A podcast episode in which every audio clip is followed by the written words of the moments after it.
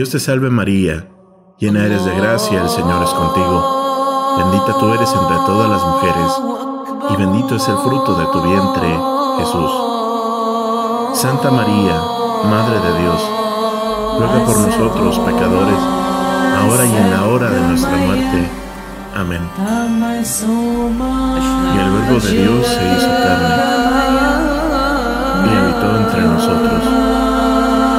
Dios te salve María llena eres de gracia, el Señor es contigo. Bendita tú eres entre todas las mujeres, y bendito es el fruto de tu vientre, Jesús. Santa María, Madre de Dios, ruega por nosotros pecadores, ahora y en la hora de nuestra muerte. Amén. Ruega por nosotros, Santa Madre de Dios, para que seamos dignos de alcanzar las gracias y promesas de nuestro Señor Jesucristo. Amén. Infunde, Señor, tu gracia en nuestros corazones, para que cuantos, por el anuncio del ángel, hemos conocido la encarnación de tu Hijo Jesucristo, por su pasión y su cruz, lleguemos a la gloria de la resurrección. Por Jesucristo nuestro Señor. Amén. Proclama mi alma la grandeza del Señor. Se alegra mi espíritu en Dios mi Salvador, porque ha mirado la humillación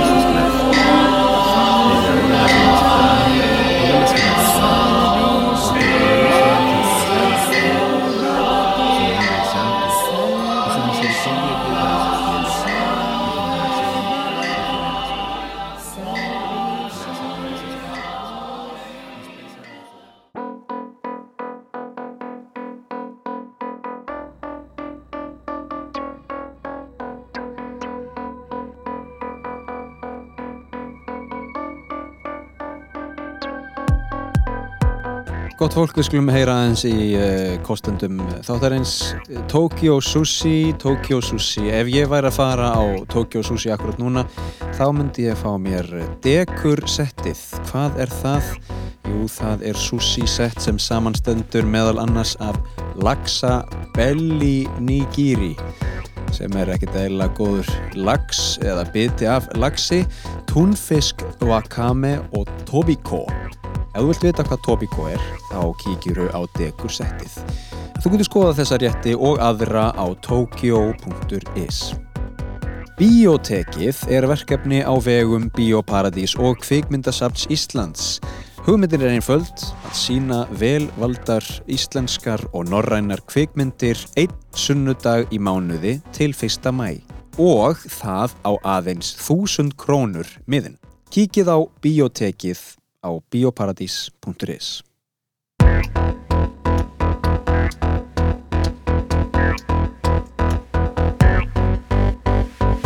Gott fólk, verið velkomin í þátt nummer 32 af hlaðvarpinu Heimsendir. Hingað er komin eh, mjög góður gestur, eh, professor Haldóra Gerhardsdóttir, verður velkomin. Takk að kærlega fyrir Stefán Þór. Hvað segir þú gott? Ég sé bara fína, mér er svolítið skemmtilegt að sé þáttur 32. Já. Þú veist, Jésu var þann ekki 32. Er það málið? Já, þá var hann krossfestur. Já, ok. Þannig að þetta er eitthvað, ég hugsa bara 32, það er eitthvað, eitthvað var 32. Já. Jésu. Ég hef gert þetta alla þætti, sko. Mm. Að byrja á, á númerinu. Mm Spurning hversu lengi ég held ég áfram. Já, um, þáttur 165 Já. það getur verið mm hvað hérna, uh, sko, við ætlum að tala um trúarbröð í dag -hmm. um, ert þú áhuga manneskja um trúarbröð? Uh, Já, ég myndi segja ég væri áhuga sem um trúabröð án þess nokkuð tíman að hafa lesið mig til um þau eða gert nokkuð til þess að uh, um, einhvern veginn vita meira. Ég er samt mjög áhugasum um trúabröð. Mm -hmm. Ég er ekki aln upp við trú eða sem sagt um, pappi minn var svona uh, aln upp á trúljósi heimilu og fermdur og skýrður hann á hollenska mömmu átti og hérna og, hafði, og þau hafði einhver svona rosalega fordómakakar trúabröðum sem er þá angelíska er það ekki trúasamfélagið í Hollandi? Þar sem að þú mátt ekkert gera á sunnudum eða eitthvað, eða hann var allavega með einhverja mynd frá Hollandi Já, og í gegnum mömmu sína og þau voru miklu kommunistar, mamma og pappi og eitthvað svona, þú veist það var svona alveg, alveg trúlaus bakgrunnur þarna. Mhm. uh, þannig að það var engri trú var ítt að mér þannig, engum trúabröðum var ítt að mér mamma kemur frá svona he- hefðbundnu íslensku heimili. Hún talar ekki um trúmál og bara ekki með mig bænir eða neitt svoleiðis. Hún á alveg trú en aldrei án þess að tala um hana.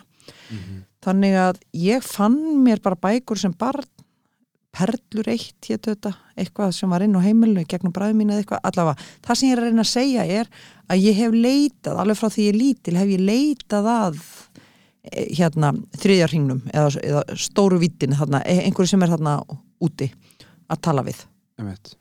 Um, og ég held að sé bara mjög misjönd eftir manngerðum sko hversu mikla þörfu við höfum fyrir það.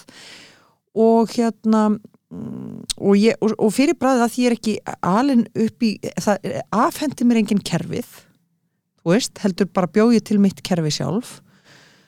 Þá um, óttast ég ekki þá er ekki minn einn svona, svona issues með trúarsamfélag og svo leiðis eins og eins og ég finn til dæmis maðurinn minn sem er hálf franskur hann er með rosalega mikið um sko kathólsku trúna og, og eitthvað svona. Um, uh, af því að það hérna, já, og, og bara um, um trúabröð og kirkuna og eitthvað svona, þú veist, ég bara þetta rugga mér ekkert. Eða ég hef reynt að analýsa þetta þannig það er að því ég fekk að búa til heiminn minn sjálf. Já. Ég fekk að búa til mín eigin trúabröð, basically. Svona aukt blað svolítið og, og hérna, óskrifi bók og allt það sko. Já, Já. Og, uh, og mjög forvitin um þau.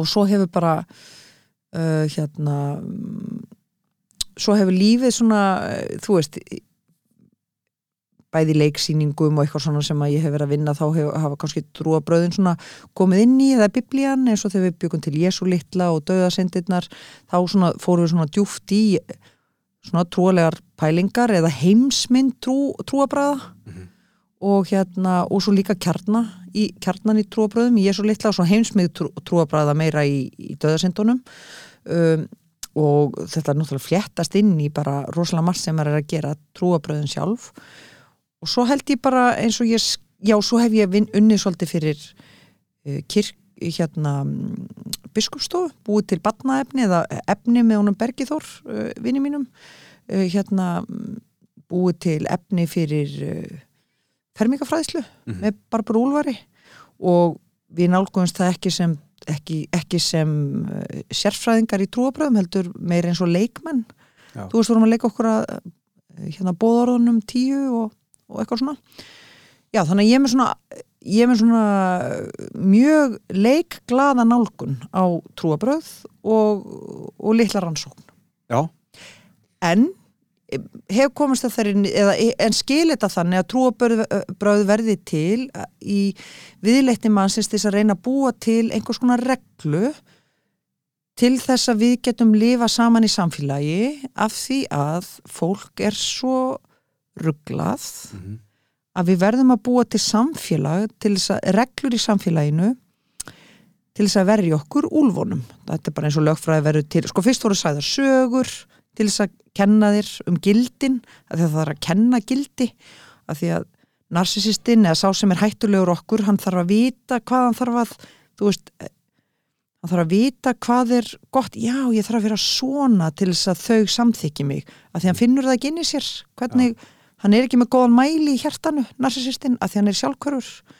Og hlut, svo mörg á okkur erum sjálfhverf á einhverjum stað eða með blindspott um, þannig að við erum alltaf að leitast við með öllum þeim regluverkum sem við gerum að verja okkur gegn úlfinum, Mhm. narsistarunum síkópatanum Sem, geðsjúklingnum, mm, Putin þeir, ah.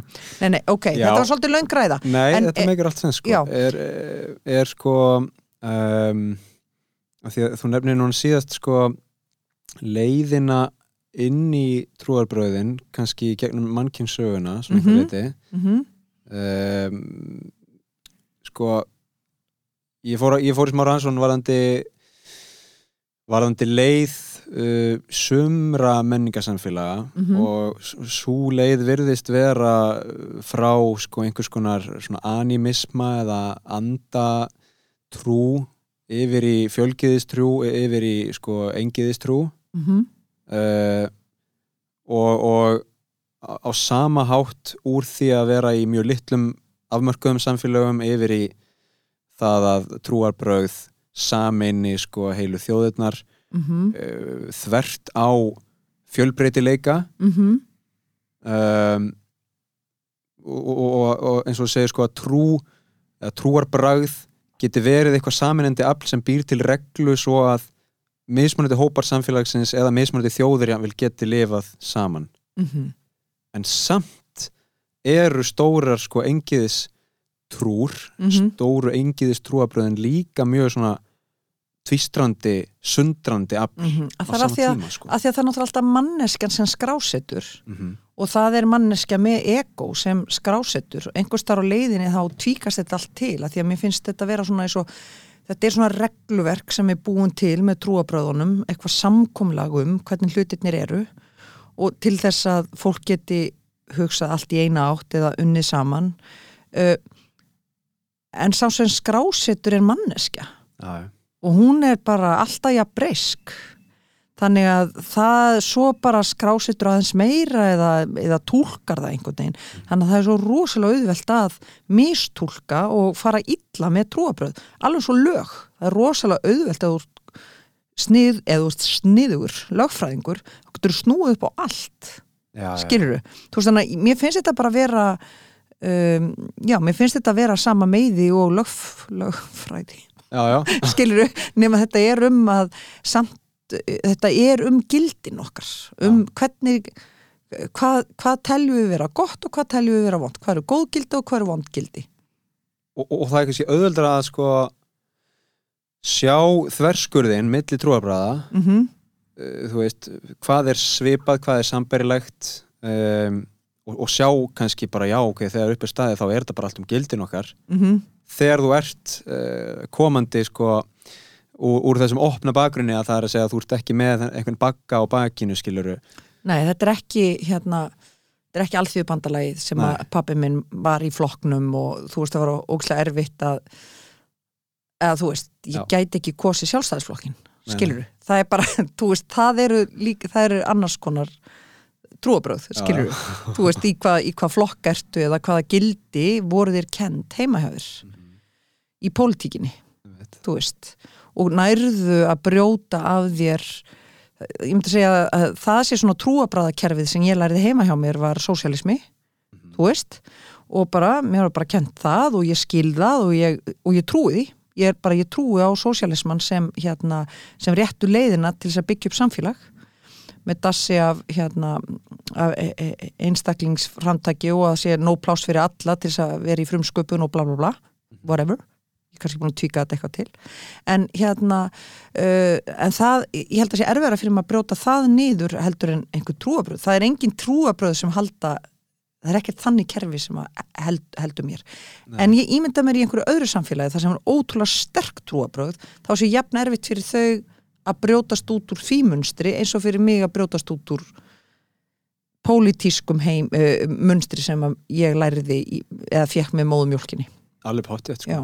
og, og, og, sumir hafa sagt að sko fótboltalið séu bara enn annað trúarbræðið Já. Eh, þú veist eða ert alin upp með einu fótboltaliði já, sem ég er ekki sko. Og þess vegna finnst mér mjög öðvöld einhvern veginn að horfa mjög svona um, hlutlaust á allt sem við kemur íþróttinni fótbolta. Já, ég tengi voða lítið við já. voða mikið sko. En, en hérna um, það er bara sama, þú veist, mismunandi skólar mismunandi hugsunarháttur og, og hérna þú einhvern veginn ert oft á tíðum það sem þú fættist sem þar til þú deyrð sko. Já, en fó, sko fótboltaliðið þitt er þá guðinn mm en er ekki kerfið Nei, skilur, eða þú veist fótbolti sem íþrótt er fó, það já, kerfið já, fótboltin sem íþrótt er þá kerfið Já. en liðið þitt er þá guðinn já, já, já. eða er það sem þú trúir á þá eru þú sko, veist. þá er sko trúabröðin sko uh, brettar að, að hérna metast við bandarækjumenn um hvort fótbolti sé bet, betri Já. heldur en amerískur fótbolti Já. eður ei já, af því að þá er það slást um kerfin sko. Já, já, já, já, einmitt. er trúbröðun er um kerfin en svo þú veist, eh, eh, svo er aftur móti trú.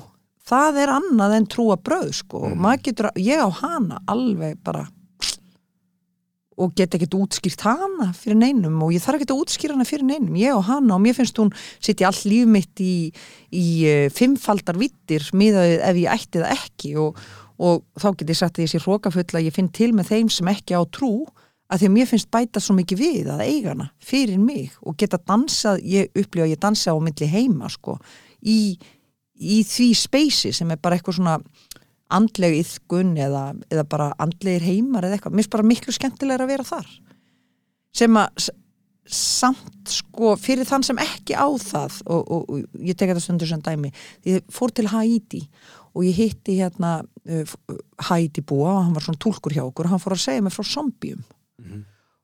Og þegar hann var að útskýra fyrir mig hvernig zombiar væru og hvernig hann hefði reyndar aldrei sjálfur séð zombia en en frængans hefði séð zombi og svo útskýrðan fyrir mig hvernig e, e, þetta zombi var og þetta var svona maður og hann var að selja dekk engstur upp í fjalli eitthvað svona. Og ég hlusta á hann og útskýr fyrir mig hver lögmál zombísins eru. Og mér fannst hann alveg gugugaga sko. Þú veist því að bara vá hann trúur því sem hann er að segja mér. Hann trúur í alvöru að séu til lík, sálarlausir líkamar af fólki sem að þú veist er dáið en líka minn þeirra verði eftir á lífinu og þau séu hérna og þessi gaur sérst að selja dekk af því að hann var í einhverju skuldi eða ég skildi þetta ekki almennilega. En svo með ég var að hlusta þá fatt að ég já, þetta er svona eins og þegar Íslendingur er að tala um álfa. Mm -hmm. og eða huldufólk eða orkuna í jörðinni eða trú þú veist, ef þú þú veist, þá allt í hennu þá gæti ég sett, tekið mig í út fyrir breytuna í mínu líf og sett já þegar ég dansa milli heima, ég segi við þig hérna já mér er gott að dansa milli heima þá getur þú hort á mig eins og ég hort á gaurinn sem talaði um zombjana skilur, hann er bara bara allt til. Það er já. bara skemmtilega að það sé til finnst mér sko. Auðvitað, er, er þá sko trú trú er annað. ég, þannig að við getum, getum ákveða hvort við viljum tala um trú eða trúabröð en til að fá sko munin er, er þá þú veist trú eitthvað svona sem einstaklingun á mm -hmm.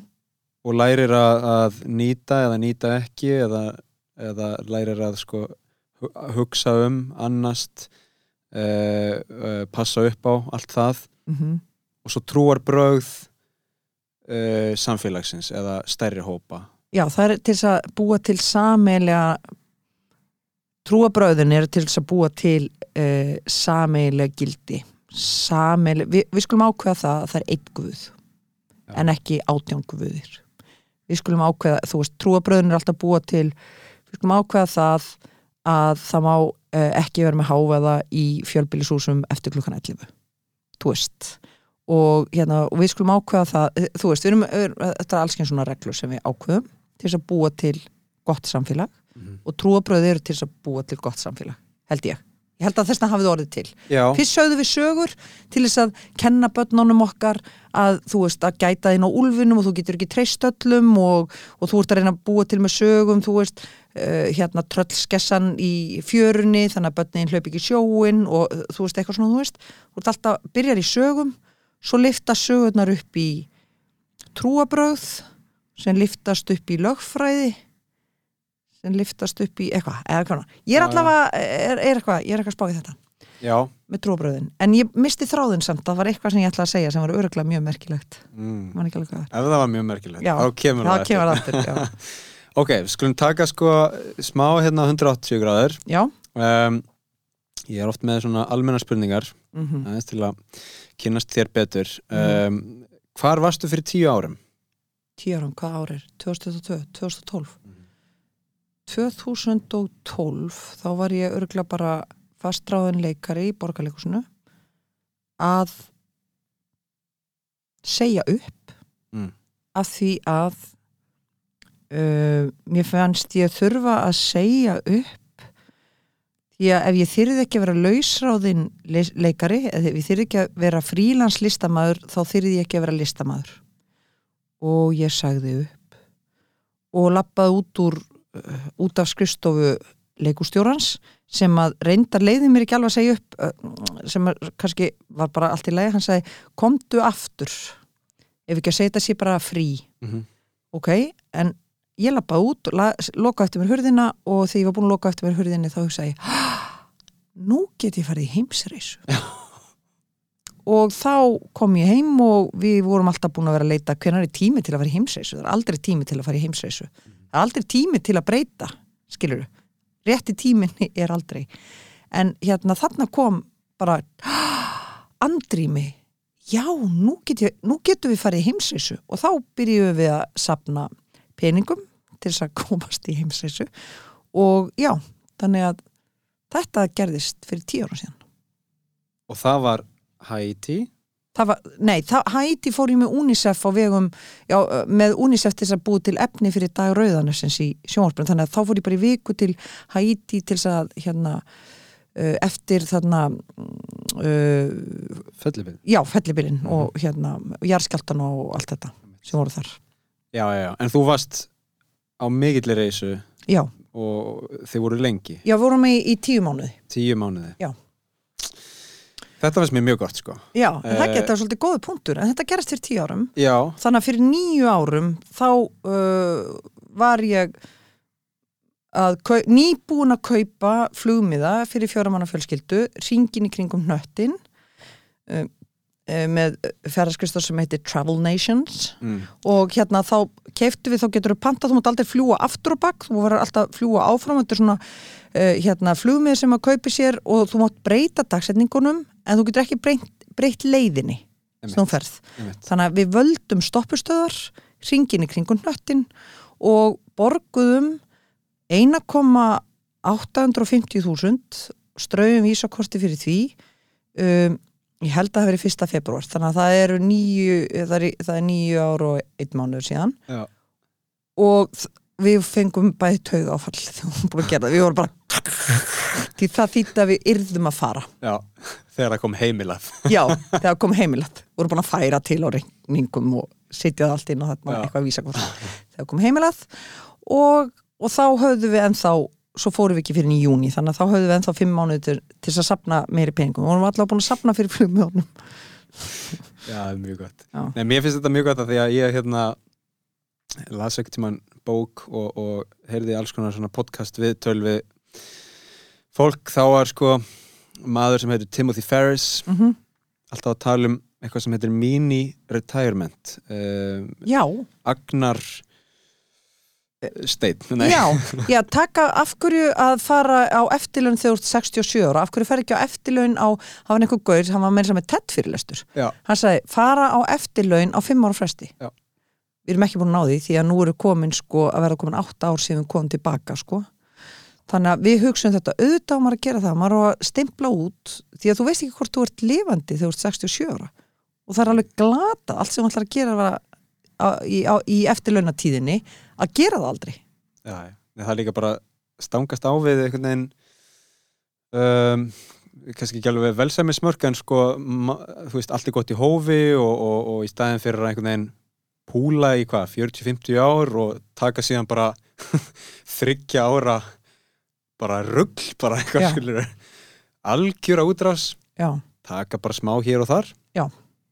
Ég er alveg ég, við erum alveg fann að þrá næstu ferð, Já, en hún er ballus þá, af því að þau voru 7 og 10 ára, það var svo auðvelt. Því við vorum kongurinn og drottningin þau hlýtu öllu sem við sögðum þú veist, en nú eru þau 15 og 19 eða 15 og 18 það er engin leið að við séum að fara að taka þau með því þau væru bara myndu aldrei nenn að gera neitt sem við vildum þau eru bara orðið gott. sjálfstæðir einstaklingar. Herði, hvar varstu fyrir 5 árum? fyrir 5 árum. Þá var 2017 2017 2017 já, þá var ég að velta fyrir mér. Þá var ég í mars að velta fyrir mér vá skrítið ég er ekki með neina vinnu í sumar ég er í leikhúsinu ég var að leika eitthvað kannski var ég að leika uh, Billy Elliot og hérna já, ég var með frekar stutt hár emitt uh, nei, ég var að leika sannlega Mávin, já Nei, ég man ekkert hvað ég var að leika. Jú, sölkuvölku og farsa. Já, og hérna, og ég var að hugsa, ó hvað skrítið. Í sumar er ekki bara neina vinnu, af því að, að því yfirleitt í- leikursunu tekja mánu á sumarfrí og þá er, er einhver bíómyndið, eitthvað sjónvarp, það er eitthvað svona, eitthvað verkefni sem býður. og mér fannst þetta alveg einstakt það var bara ekkert þetta sumar, ekkert. Og ég sagði, já, þá kemur þetta bara sumar í fyrsta skipti þar sem að ég er bara svona í löngu sumarfríi. En þá kom kona fyrir stríð. Einmitt þannig að ég leik þannig að í april bauðst mér að leika í kona fyrir stríð fyrir fimm árum. Mínus eitt mánuður. Einmitt. Já, það er merkilegt sko. Merkileg skilabóð einhvern veginn frá heiminum þar sko. Já, hérna já, mér fannst þetta svona, ég var í alveg svona, já, hérna hér. Á ég bara ekki að gera neitt í sumar en skemmtilegt, merkilegt af því að, e, að því að krísa mín hefur meira verið að því að það er eins og orkan mín sé svoleiðis að það er eiginlega yfirleitt of mikið að gera og það er of mikið sem fer á borðið að því að ég, mér finnst allt skemmtilegt og ég segi mjög mikið já mm. þannig að það fyllist mjög oft bara borðið hjá mér af allskins að því að þegar símtali kemur þá er ég bara já, já og mér finnst það raunverulega spennandi sko. Já. Nei, ég tengi. Um, hvað varst þú að gera fyrir fimm árum? 2017, ég var að, á öðru ári í verkfræði. Mm -hmm. ég var uh, að gæta mjög mikið.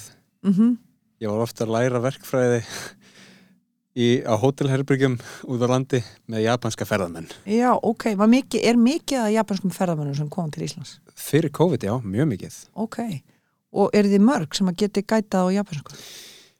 um, Þú Nei, og kannski konaði? 10, Já. 12, 13, eitthvað svona. Ok, þannig, mér stann nú samt mikið. Já, en þau voru mjög mörg, sko. Já, já, já, Ég, ég var bara, þú veist úrvinda. Já, þetta var ótrúlega, Hæ, sko. a, Ha, ansinn sann, vakari maska. Það er Já, Nei, þetta var alveg magnað, sko. Ég, hérna, maður var bara ofta eins og skopparakringla einhvern veginn að já mannast, Já. veist, eins og þú talar um. Já, hérna prófi næstu viku uh, fimm daga ferð um söðuströndina já, já. Já, já, já, ég get, já það hljómar vel, gerum Aha, það. En hvernig ferðir eru þetta sem japaninir vilja helst fara í? stuttar. Af því að þeirra mini-retirement er mjög stutt. Það er bara vika alltaf. Það er bara, þú fl- flýgur inn Já. uh, og svo ertu hérna kannski þrjár, fjóra nætur Já, og reynir að sjá eins mikið og hægt er á þremur, fjórum dögum. Og mikið að myndum. Mikið af myndum uh, og svo bara bara beinustu leið aftur heim sko. Að vinna. Já. Og er þeir nærðir, nú þekkjur Japani mjög vel. Mm -hmm. er, eh, sko, að því að maður hefur heyrt þetta þeir vinna svona ógeðslega mikið og eru svona, þeir eru svo þjónandi. Já. eru þeir a, í andlegu jafnvægi?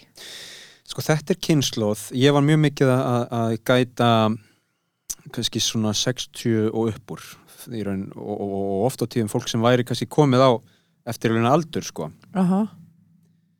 þau voru oft mjög uh, svona já, róleg og, og, og bara yfirveguð og höfðu mjög gaman að þessu og þau hafa rosalega gaman að því uh, allavega af minni reynslu að vera saman sko í japanskri rútu með japanskum hópstjóra íslenskum eða japanskum gæt og Já. íslenskum bílstjóra þú veist veginn þau saman að njóta þess að vera saman eða þú veist um, mér finnst þess að Íslendingar séu kannski einstaklingsmiðaðari heldur en það sko um, að þau eru svona eins og barslega svona í rauninni barslega glöð eða svona ná að njóta þess betur Svolítið sko og rosa mikið bara svona samneiti innan hópsins skilur og Aha. fólk er að kynnast og, og hérna við erum í þessu saman einhvern veginn. Aha, aha, og meðan þú veist það er svona stereotypan um Íslandingin í einhverju svona ferðarlegi að hann kannski stingur af úr ferðinni skilur Já, og fer já, já. eitthvað leigir nefndi ekki að vera þannig Já. að svo var rútan að vera við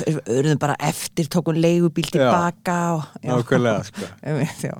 Þau hérna, það er ekki þannig hjá þeim sko. Ok, en fyrir tíu árum, hvað varstu þá? Uh, það kuði vera 2012 þá var ég í, í uh, mennskólum í Reykjavík um, Nei, þá var ég í Japan já, 2011 til 12 þá var ég í Japan skiptinni mig skiptinni með Japan, mm -hmm.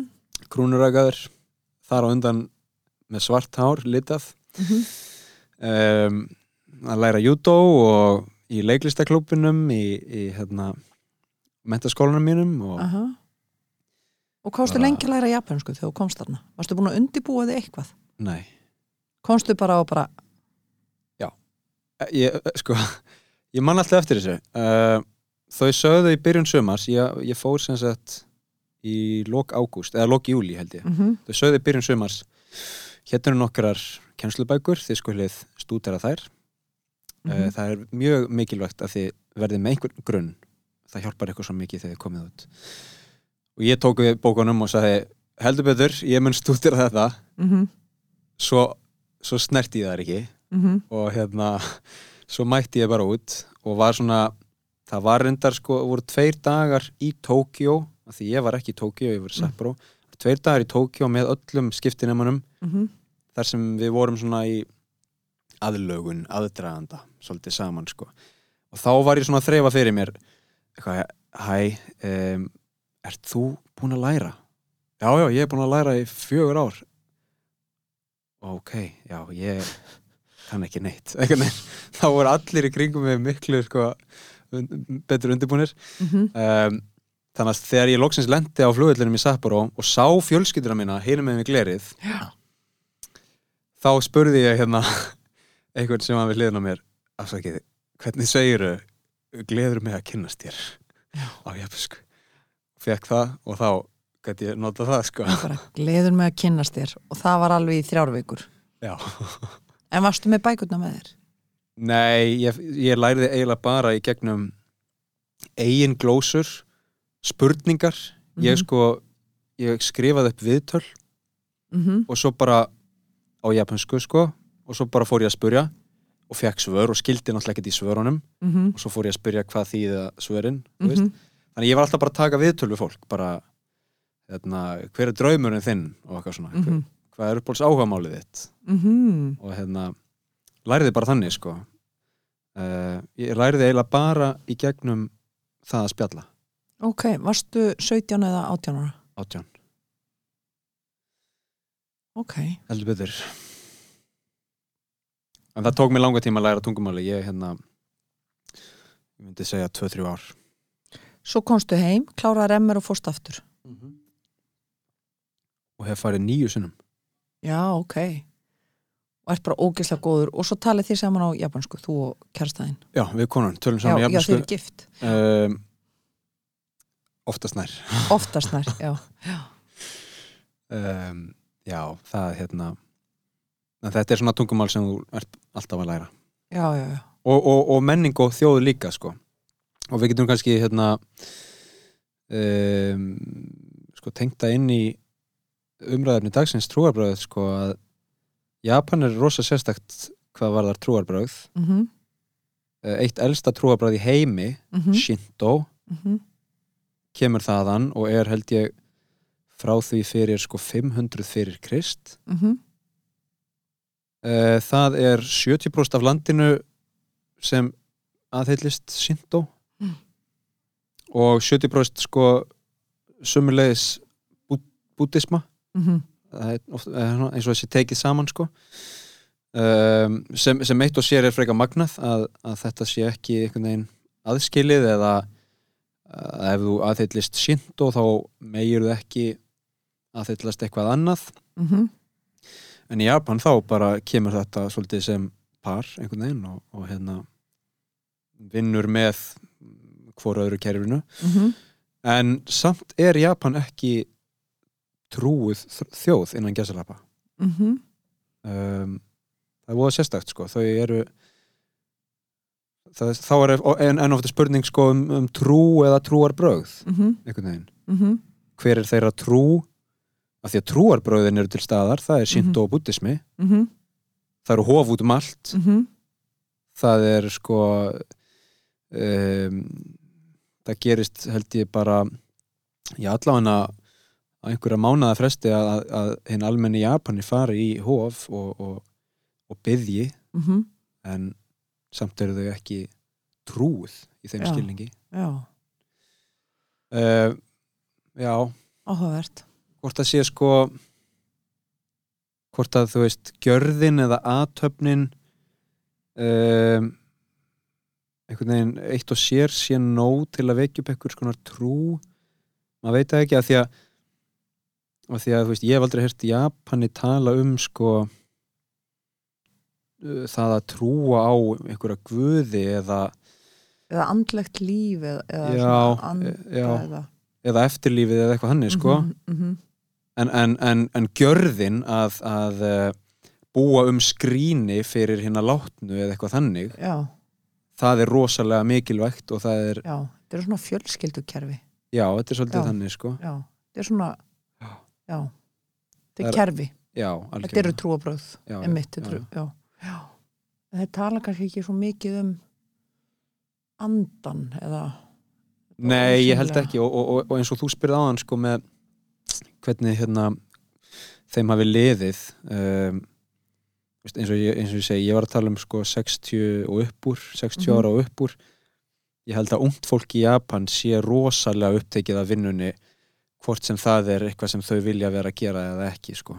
Mm þannig að ég ég veit ekki hvort að það er raunverulega gefist tími til að um, einhvern veginn leita, leita upp eða leita inn á við eða, eða vera leitandi yfir höfuð. -hmm.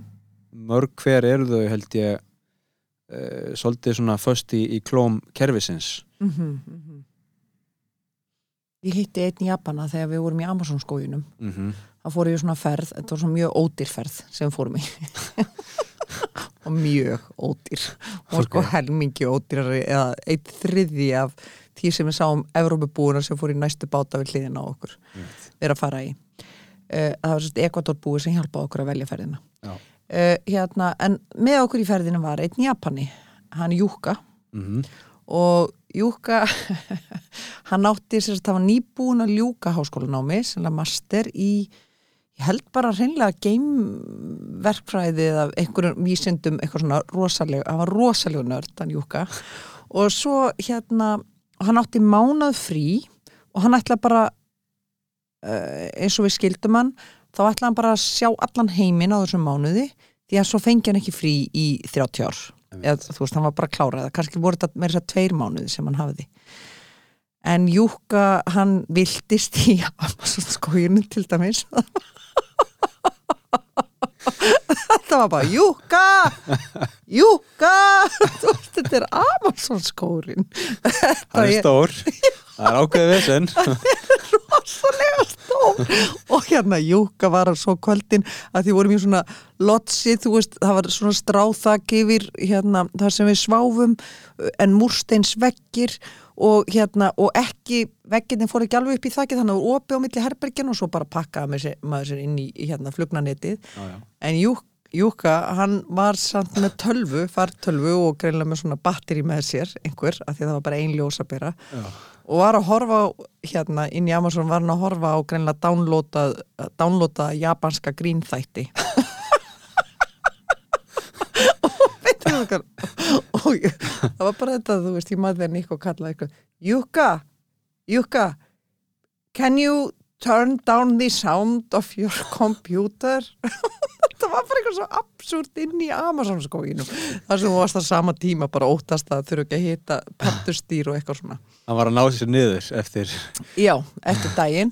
Og hann náði líka, þú veist, hann náði að detta og grípa í handlegin og gætinu þannig að þeir duttu báðir onni ána og þú veist, hann var alveg hann var algjör uh, hérna svona teiknumyndafígúra Já. og, og gerði þessa ferð ógleimanlega Já, eða hann hjálpa, hann bjóti svona nýjan leigir á ferðina einmitt.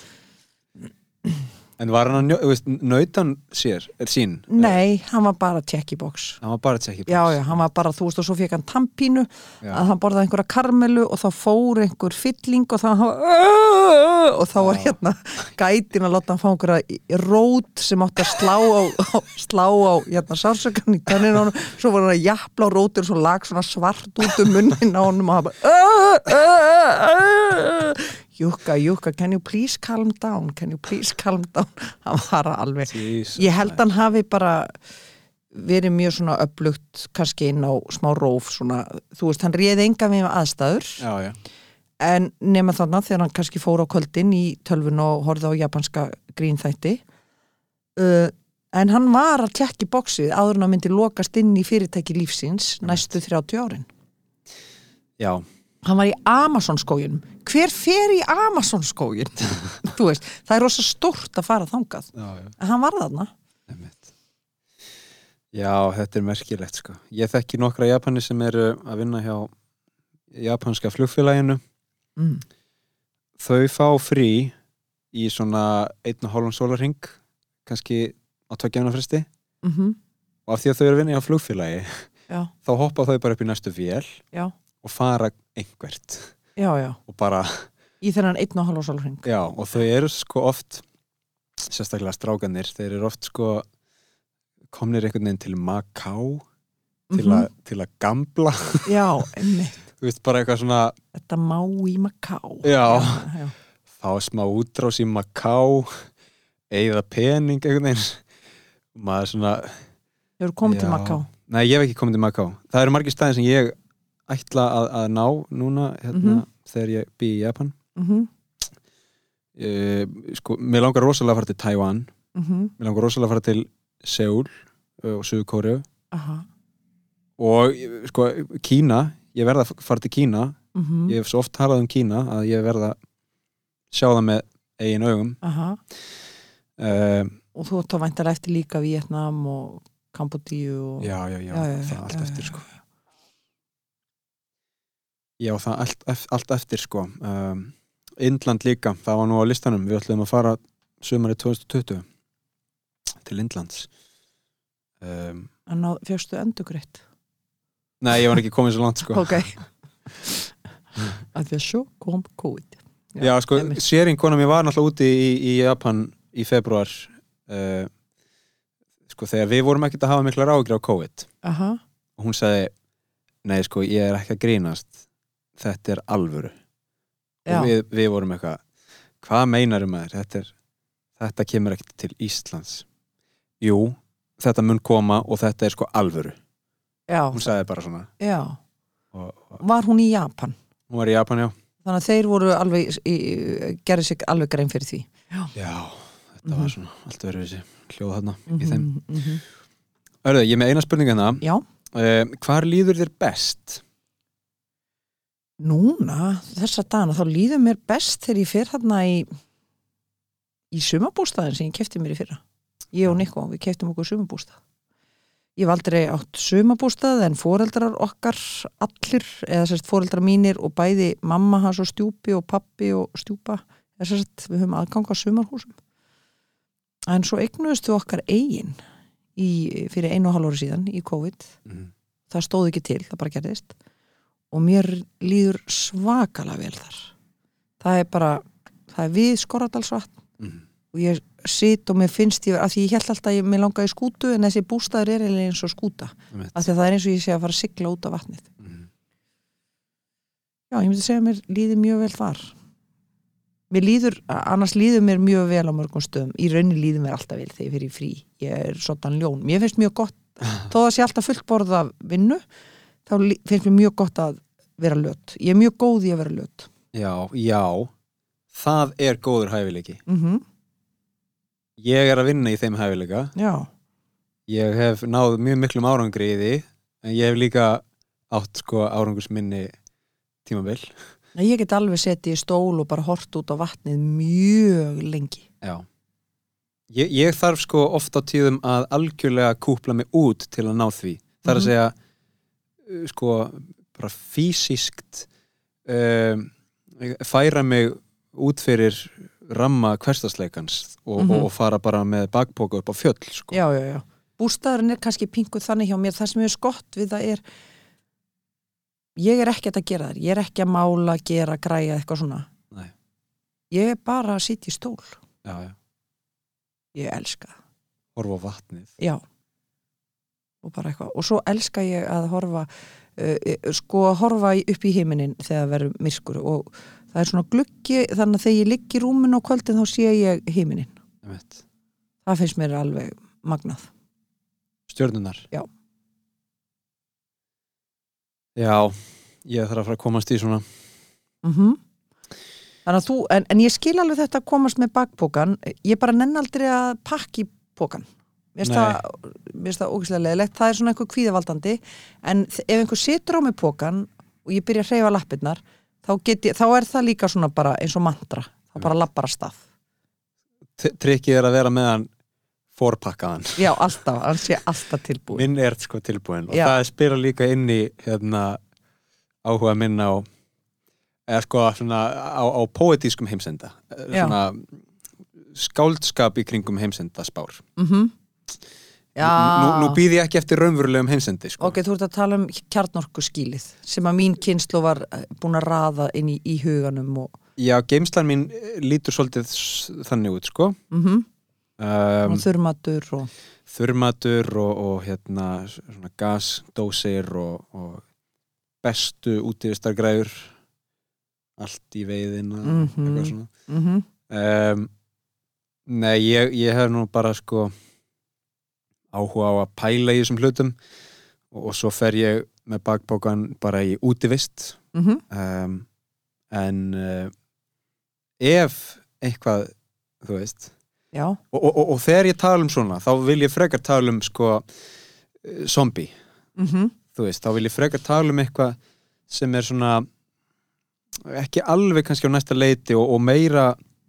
meira í takt við skáldskap heldur en Pútín, já, já. Af því mér finnst ekkert uh, áhugavert eða sko ég, ég fer ekki neina dagdrauma um hvað ég myndi gera ef að, ef að það færi allt í vitleysu skiljuru já, uh, ég hef engan áhuga því sko.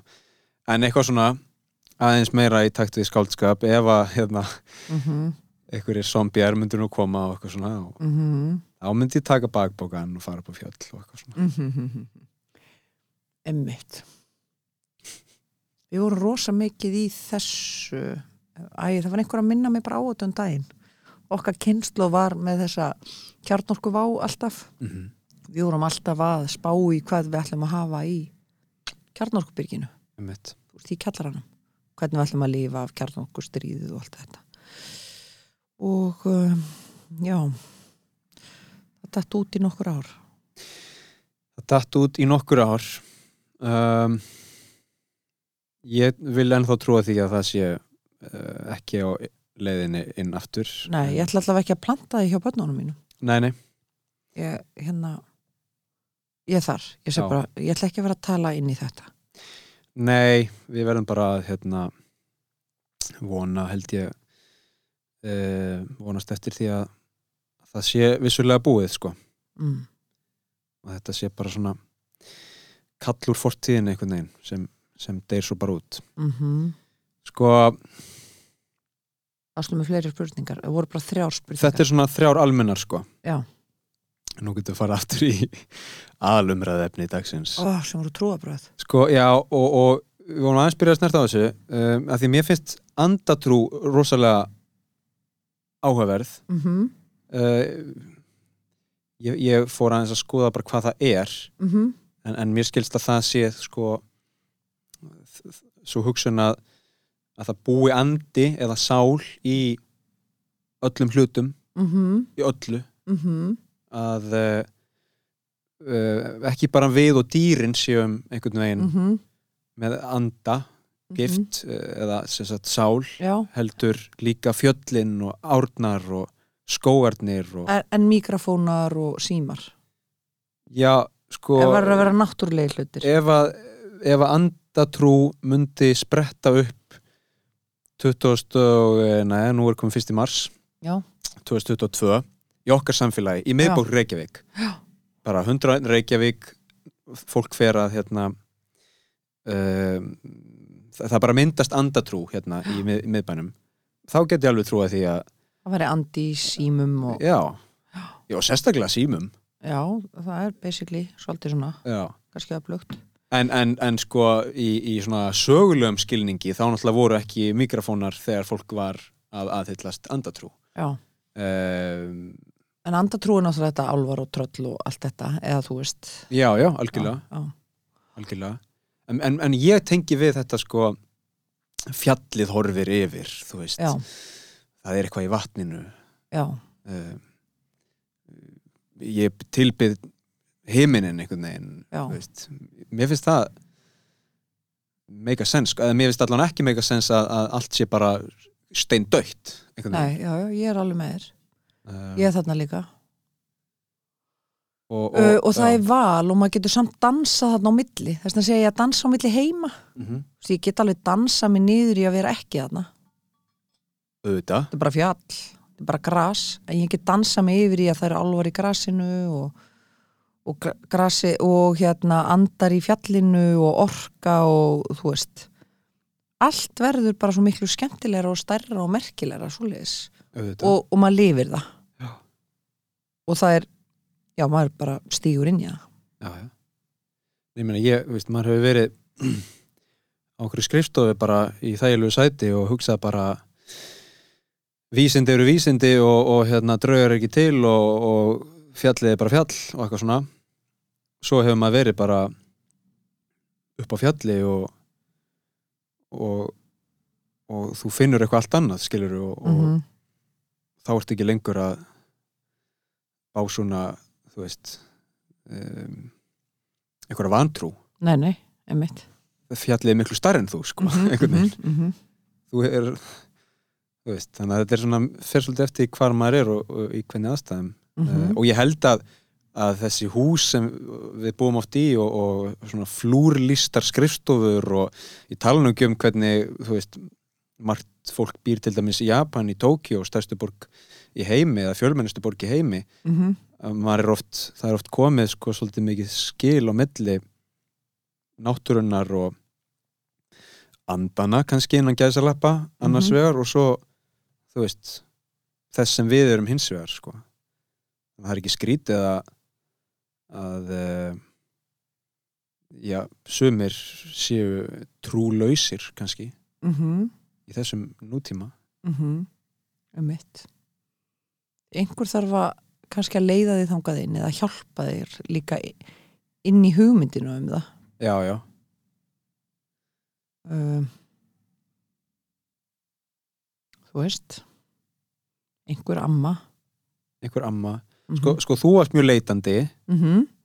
eh, og, og hefur vantilega fundið alls konar.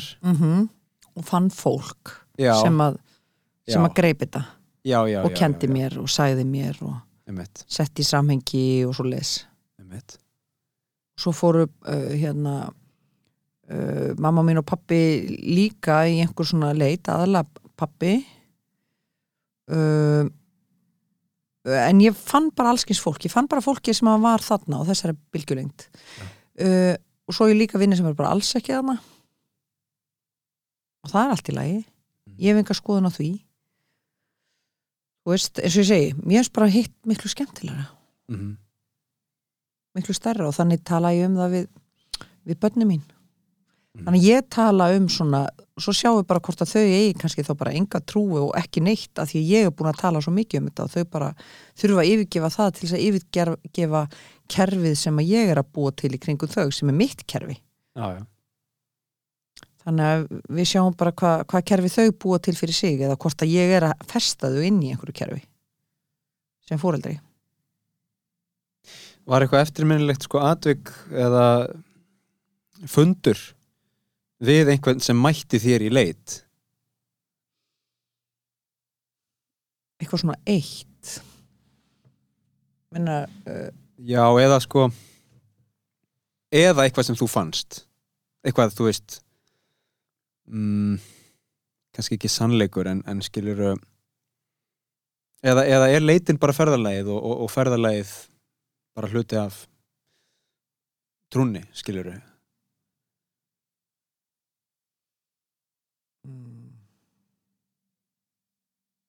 Geti ég ekki, ég á ekki svar við þessu. Nei, Uh, nei, það er ekkert eitthvað svona eitt moment. Þetta er, þetta er bara, já, bara marglega ferðalag, en aðalega átt að sig á að hérna, að það er til margir heimar sem að ná utan um andan.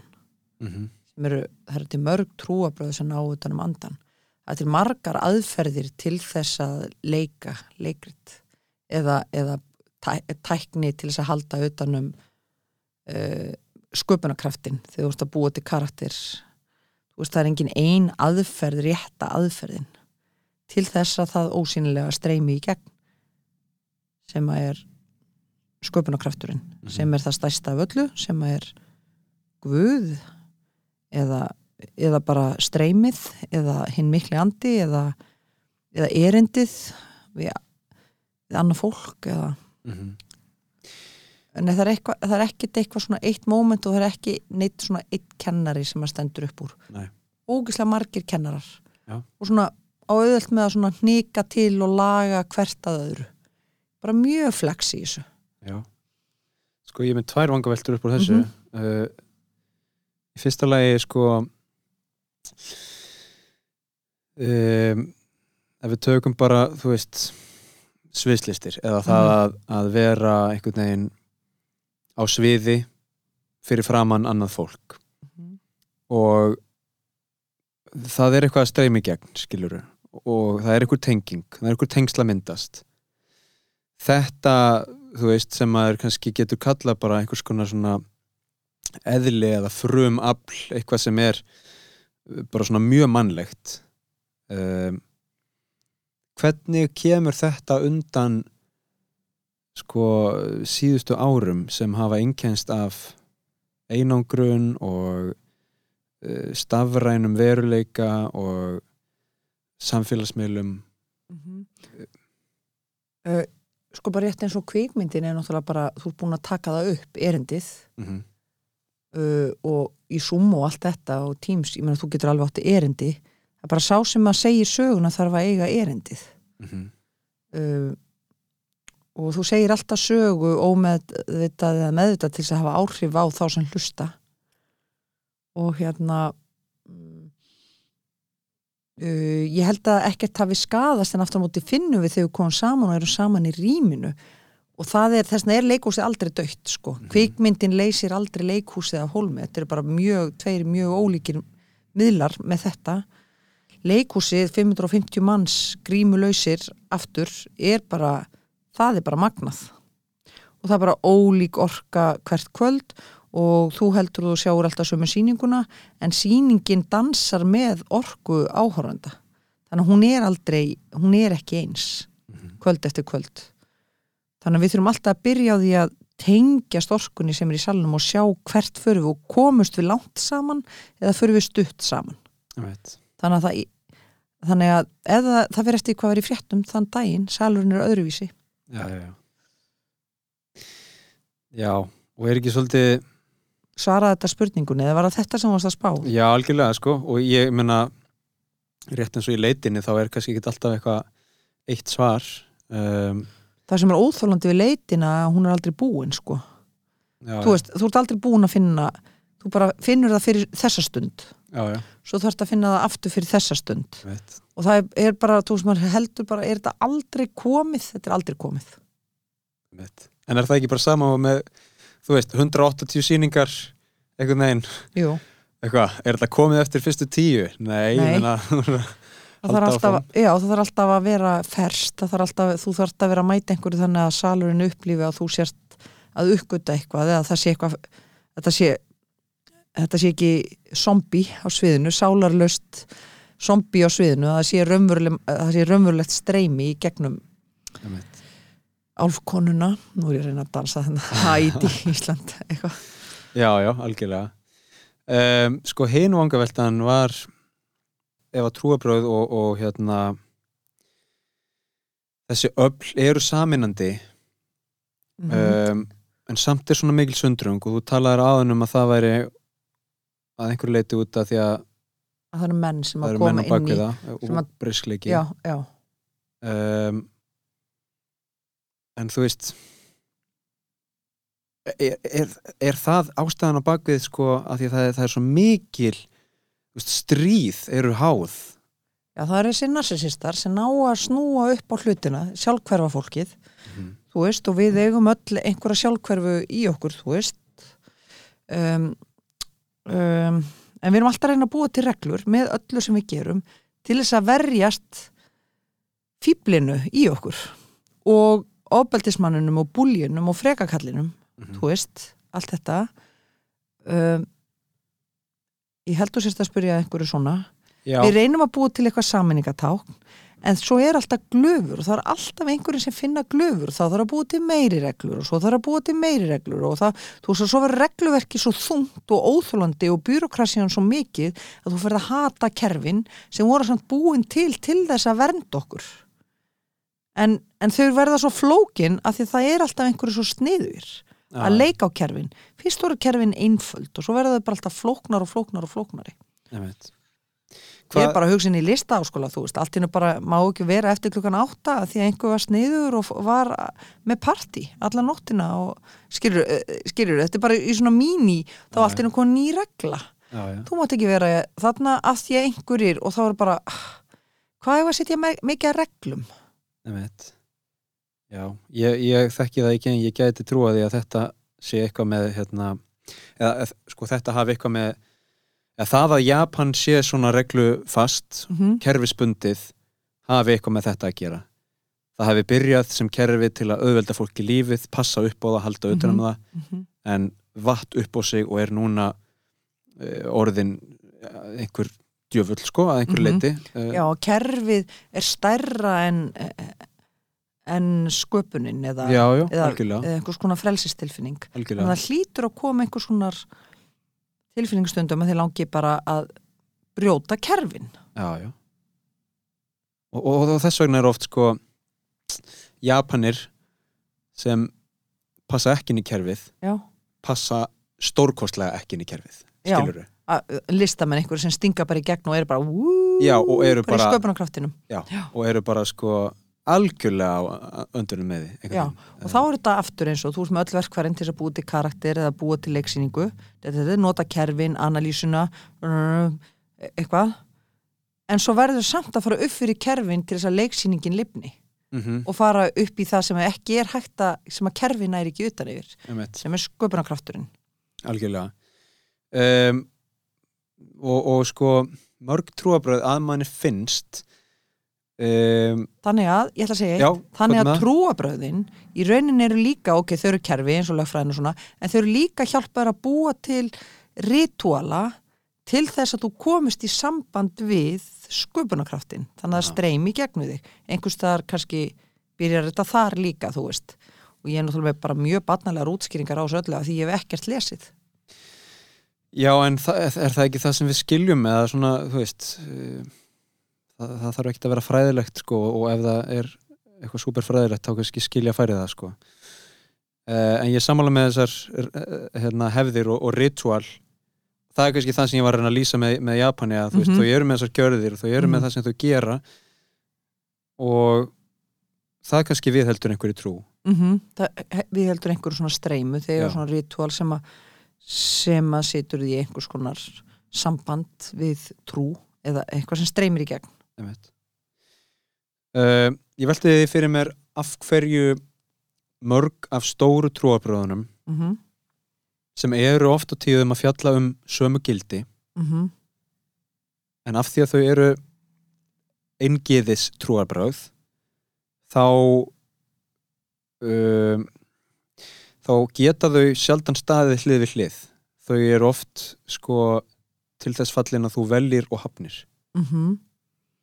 Um, er það uh, í eðli trúarbragðar eh, sest, trúarinnar eða er það meira maðurinn að skapa kerfið í kringum það Ég held að hljóta að vera það því ég held að ég held að trúin myndi vilja ekki aðskilnað en Nei. trúa bröðin þau reyna að búa til eh, samfélag, svona tryggingasamfélag.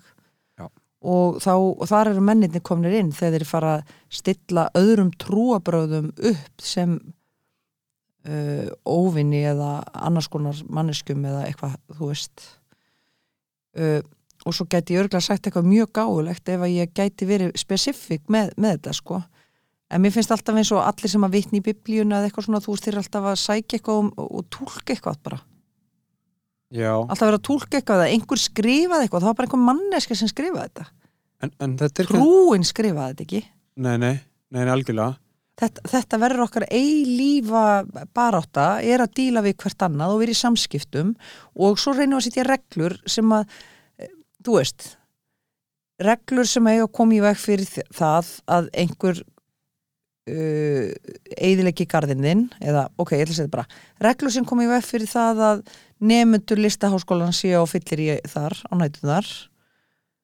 Um, er það þá bara er það þá bara forever? Eða þú veist já, já, er það bara því að við náum ekki eiga samtalið um það og gildin verði skýrar og urðu gildin aldrei til eða, eða þarf bara alltaf að loka á ákveðnum tíma eða, eða þú sér segja bara hvar erum við bara andlega löt og, og getum ekki tekist á í samtalið og þurfum bara að setja reglur af því að það svona léttir af því að það erfiðasta við að vera manneskja er að eiga í samskiptum.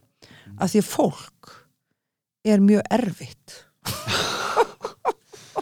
Já, við erum alltaf að reyna að verja okkur fyrir fólki já, með öllum þessum kerfum.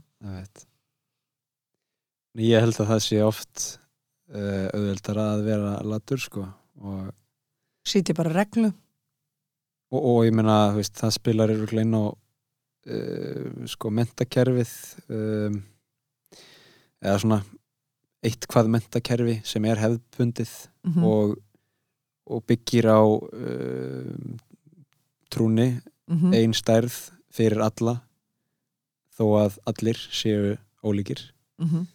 um, af því að það er auðveldara það er auðvöldara það er auðvöldara að sitja reglur Já. og þurfi ekki í samskiptum Já. Og þurfi ekki að treysta og þurfi ekki að taka sjensin á að það sé ekki einhver sem að muni gera það sem ekki er æskilegt muni ganga illa um og bara, og bara mjög illa um og bara alveg ógeðslega illa um skiljur það uh, já, ég er svona já. Andli leti finnst mér líka vera svona uh, áhugavert fyrirbæri. Mm -hmm. Af því að það er mjög erfitt að eiga samtölu um erfiða hluti. Já, já. mm, ungt fólk getur verið alveg óþólandi já í, í sko og eldra fólk getur verið alveg óþólandi ég er ekki að segja, þú veist, ég er bara að segja svona skilur á sikkvotn háttin Já, eða á á sikurnáttin eldra fólkið er þú veist um, já, já, bara bæðir eru fíbl veist, já, já, já.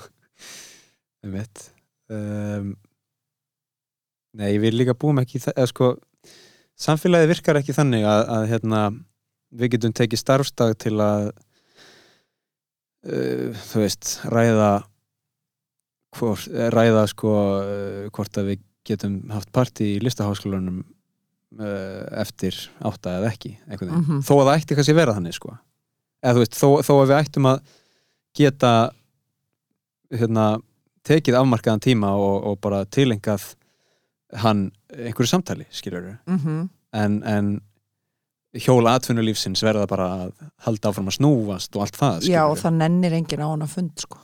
það nennir enginn á hann að fund sérstaklega ekki af því að hann verður að vera eftir skólatíma skilur, já, þú veist, það er því að hann, hann þarf að vera einhvern nei, veginn það nennir heldur enginn á hann þó að hann væri á skólatíma. Já, já, þú veist, það nennir enginn á eitt, á eitt fund í viðbútt nei, nei, við erum á svo mörgum fundum í lífinu. Já, já, já. Þú veist, ég er ekkert að segja að það er enginn að gera rétt að rangt hérna. Ég er bara að velta fyrir mig, þú veist þetta með þegar maður situr reglu, af því að ta- samtalið er bara samtalið er erfiðara já, já, og það er lengra, það tekur meiri tíma og það krefst vinnu að kenna gildi og treysta og þú veist, já, já það, það er einhver mála miðlun Já. um, og svo gerst maður upp og situr bara reglu. Já, já. En svo það maður stundum við líka að læra uh, bara erfið leðina, skilur koma bara upp í listaháskóla og það er alltaf ramlæst. Mhm. Uh, sko bara svona COVID var náttúrulega allt fullt af svona reglum en við skildum hana. Já, þú veist, og við reyndum og þetta var um heilsu okkar og þú veist. Það er voða erfitt að fara uh, skiluru gegn því og það er voða erfitt að hérna já og, og líka bara maður er svo máttlaus og veit ekki og veist, ekki er ég læknir og ekki er ég veirufræðingur og allt það. Og maður Mhm. getur ekkert annað gert en að sita bara heima á sófanum og lesa fréttir, skiljur já, já, og bara hvað eru aukaatrið og aðalatrið hérna? Mhm. og bara þeir sem eru jáðarsettir þeir eiga, við getum alveg lagt á okkur að búa til samfélag þar sem þeir eru ekki, þeim er ekki ógnað. Að lífið þeirra sé ekki ógnað. Já, þú veist, við vorum alveg öll til í það. Já, já. og við vorum líka til í ákveðna reglur teip á gólfinu og allt þetta þú veist ekki fara yfir strikið til þess að meiga mæta í skólan við vorum alveg til í að bara fylgja ógeðslega mikið af trúabröðum Algjörlega. trúabröðum algjörlega til eh, þess að fá, komast í samband við sköpunarkraftin af því að við vorum þannig grunninn til þess að gera það. Mhm, til þess að sækja mentunna, sköpunna algjörlega. þá þurfum allir líka að sko skilja það markmið. Já, og, og það er náttúrulega getur verið erfitt að telja fólki, eða sko að útskýra það markmið fyrir fólki sem um, kannski dagstælega er ekki að takast á við það markmið um, þegar allt samfélagi þarf að slá í takt einhvern veginn uh, þrátt fyrir allt samfélagi sem er fjölbreytt. Mhm. Þú veist, lögfræðingar þurfa að fara að taka ákvarðanir fyrir lækna og læknar þurfa að fara að taka ákvarðanir fyrir listamenn og allt þetta dót, skiljum mhm, einmitt. Það er voða erfitt sko. En, en við náðum því, svona Já. nokkuð vel. Já. hvað er íslenskt trúabræð? ég menna hvað er þetta, er þetta hérna, þjóðkirkjan eða hvað skilur eða erum við bara saminuð í okkar einhvern veginn anda? Hvað, akkur erum við svona Guð, nú get ég ekki svara neinu af því að allt sem ég sagði væri bara með rassinum skilur ég er ekki, ég er bara um, heldur séum samt frekar opinn svona veist, við erum, við erum mjög opinn fyrir þessari, þess að þú kallar andatrú sem að er þetta bara að finna orku fjallsins og, og kraftin úr vatninu og, og hérna galdrana í norðurljósunum þú Mhm. veist, ég held að við séum einhverstaðar í okkur þó, þó við séum alveg kynnslóðir bara að fólki sem er alveg upp í Reykjavík, í borginni skilur, já, já. og höfum lítið verið í tengslu við náttúruna, við erum samt nálagt náttúrunni við erum samt nálagt hafinu og við er, sjáum esjuna og svona þú veist ég held að við séum ja, svona meira andans tengd heldur en heldur en uh, kannski sumir já, já. Við erum, annað sem er náttúrulega sérstæði hér að við höfum aldrei farið í gegnum stríðsátök þannig að við óttumst ekki fólk Einmitt. á sama hátt og Evrópubúar óttast nágranna sína að því að uh, í þeirra DNA er, hafa fóreldra þeirra eða ömmur og afar verið svikin af nágrannum við eigum ekki, þetta, þetta er ekki í okkar og, hérna óttakeðju eða þú veist. Nei, ef að eitthvað er ef að eitthvað þessu líkt er í okkar óttakeðju mm þá er það kannski sko að eigi ekki mat get ímynda mér sko. Mm -hmm. allavega, aftur í aldir þú veist ég, og þá, og þá kannski þessi, þessi, þessi, þessi nýríki, þessi sem þarf að eiga flottan jakka og, og gera íbúðuna sína strax fallega og þú veist, það er svona sá sem að hefur lifað við skort og verður Já, að láta já, það getur verið já, já, já, emitt það er líka bara, þú veist, þú ferði í matabóð til frængu og, og þið eru fjögur mm en það er búið að elda fyrir 14 já, já, já, já, emitt emitt, það sé örgla nóg og þú færði nóg já, Já. en, en það er alveg rétt, við erum ung og opin og ég held að þetta sé bara eins og þú talaður um í byrjun, þú veist. Það er ekki einhver svona uppskrift á bakinu mhm. og þess vegna er hægt að vera opnar í leitinni. Mhm, ég held það. Veist, við Eitthvað erum- svona? já, anna, sko, annað tráma sem við erum með er afturmóti sem að kolumbísk vinkona mín benti mér á þegar hún sá hýpil í vindana í borgarleikusinu leiksýninguna, að þá er það sko ef eiginmaðurinn eða móðurinn fjall frá 14 börn, þá var þeim dreift á bæina Mhm. og hitt foreldri fekk að taka eins og mamman fór í vist þá mátti hún taka tvö börn með sér í vist en hinn öll voru, þeir var komið fyrir einhver staðar og þessi kolumbíska vinkona mín sagði uh, af hverju var henni ekki hjálpað að halda utan um börnin sín 14 frekar en að dreifa 12 börnum á 12 bæi Mhm. og ég hafði bara aldrei hugsað þetta Nei. þú veist afi minn var sagt alin upp hjá vandalösum og ég held að allir Íslendingar eigi forföðu sem eru aldir upp hjá vandalösum og það sömur voru hefnir en hérna flestir eða mjög margir óhefnir ég held að það sé eitthvað þetta er eitthvað í keðjun okkar eitthvað með eitthvað með mannslífið og barslífið mm -hmm. Og að þurfa að berjast fyrir lífi sínu svona já, já. þetta finnst mér áhugavert Sóðu unga ástu mín, þú hendir freka barnin í fossin heldur en, heldur en að hérna að láta fókjatan náði Já, já. það getur verið sko og þetta er náttúrulega allt einhvern veginn inn í okkur. mm -hmm. Svona rétt í lokin, ertu með einhver, sko, kannski ekki hægt að tala um nýjársheit lengur að því nú er komið mars, en, en, en hvernig sérðu árið, árið fyrir, fyrir þér ef þú væri með eitt svona nýjársheit nýjársheit? ég held ég hafi gleymt að setja nýjársheit um þetta, þessi, þessi áramót. Um, en ég held að uh, ef ég segja að sé komið fyrsta mars heit sem að, að má þá gilda það sem er næstu tíu mánuði er að taka verkefni ekki svona alvarlega og um, uh, skemmta með meira, meiri lífskliði ég held að það sé svona að bara uh, þetta er búið að vera svolítið þungt þessi síðustu tvö ár, mér finnst þetta búið að vera bara mjög þungt. Mm -hmm. og hérna þessi kerfi öll, bæði inn í listaháskóla í leikúsinu og alltaf opna og loka svona, kerfin er allt er búið að vera svona þungt. Mhm.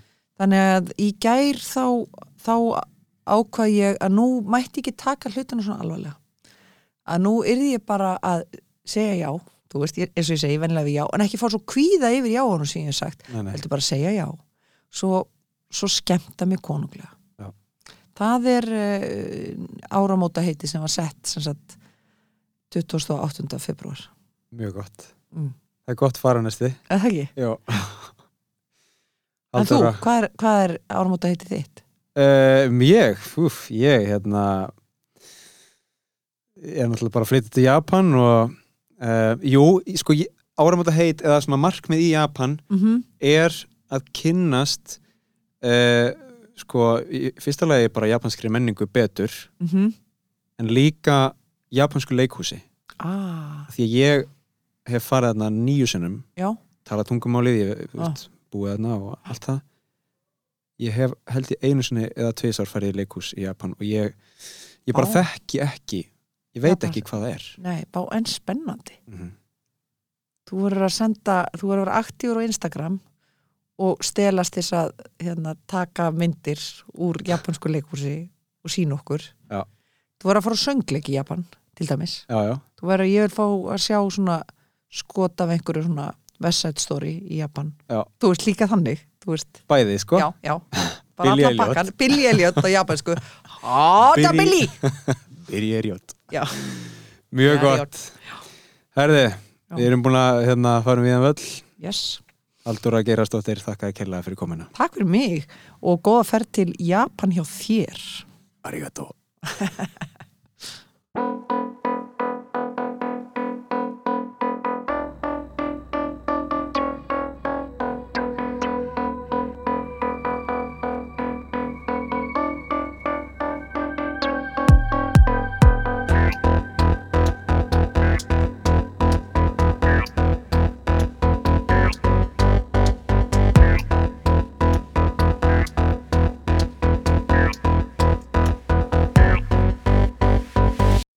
Gott fólk, takk fyrir að hlusta.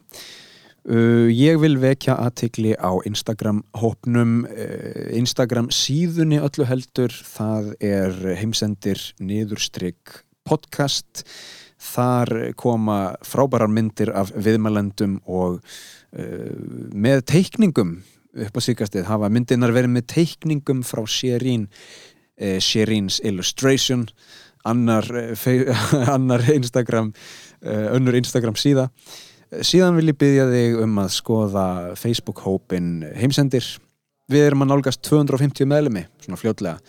Það er orðið ákveðið samfélag þar sem eh, fólk má varpa fram pælingum um þættina óskum um viðmælendur eða umræðu efni og annað þessáttar Takk fyrir það, takk fyrir að hlusta og við heyrumst í næsta þætti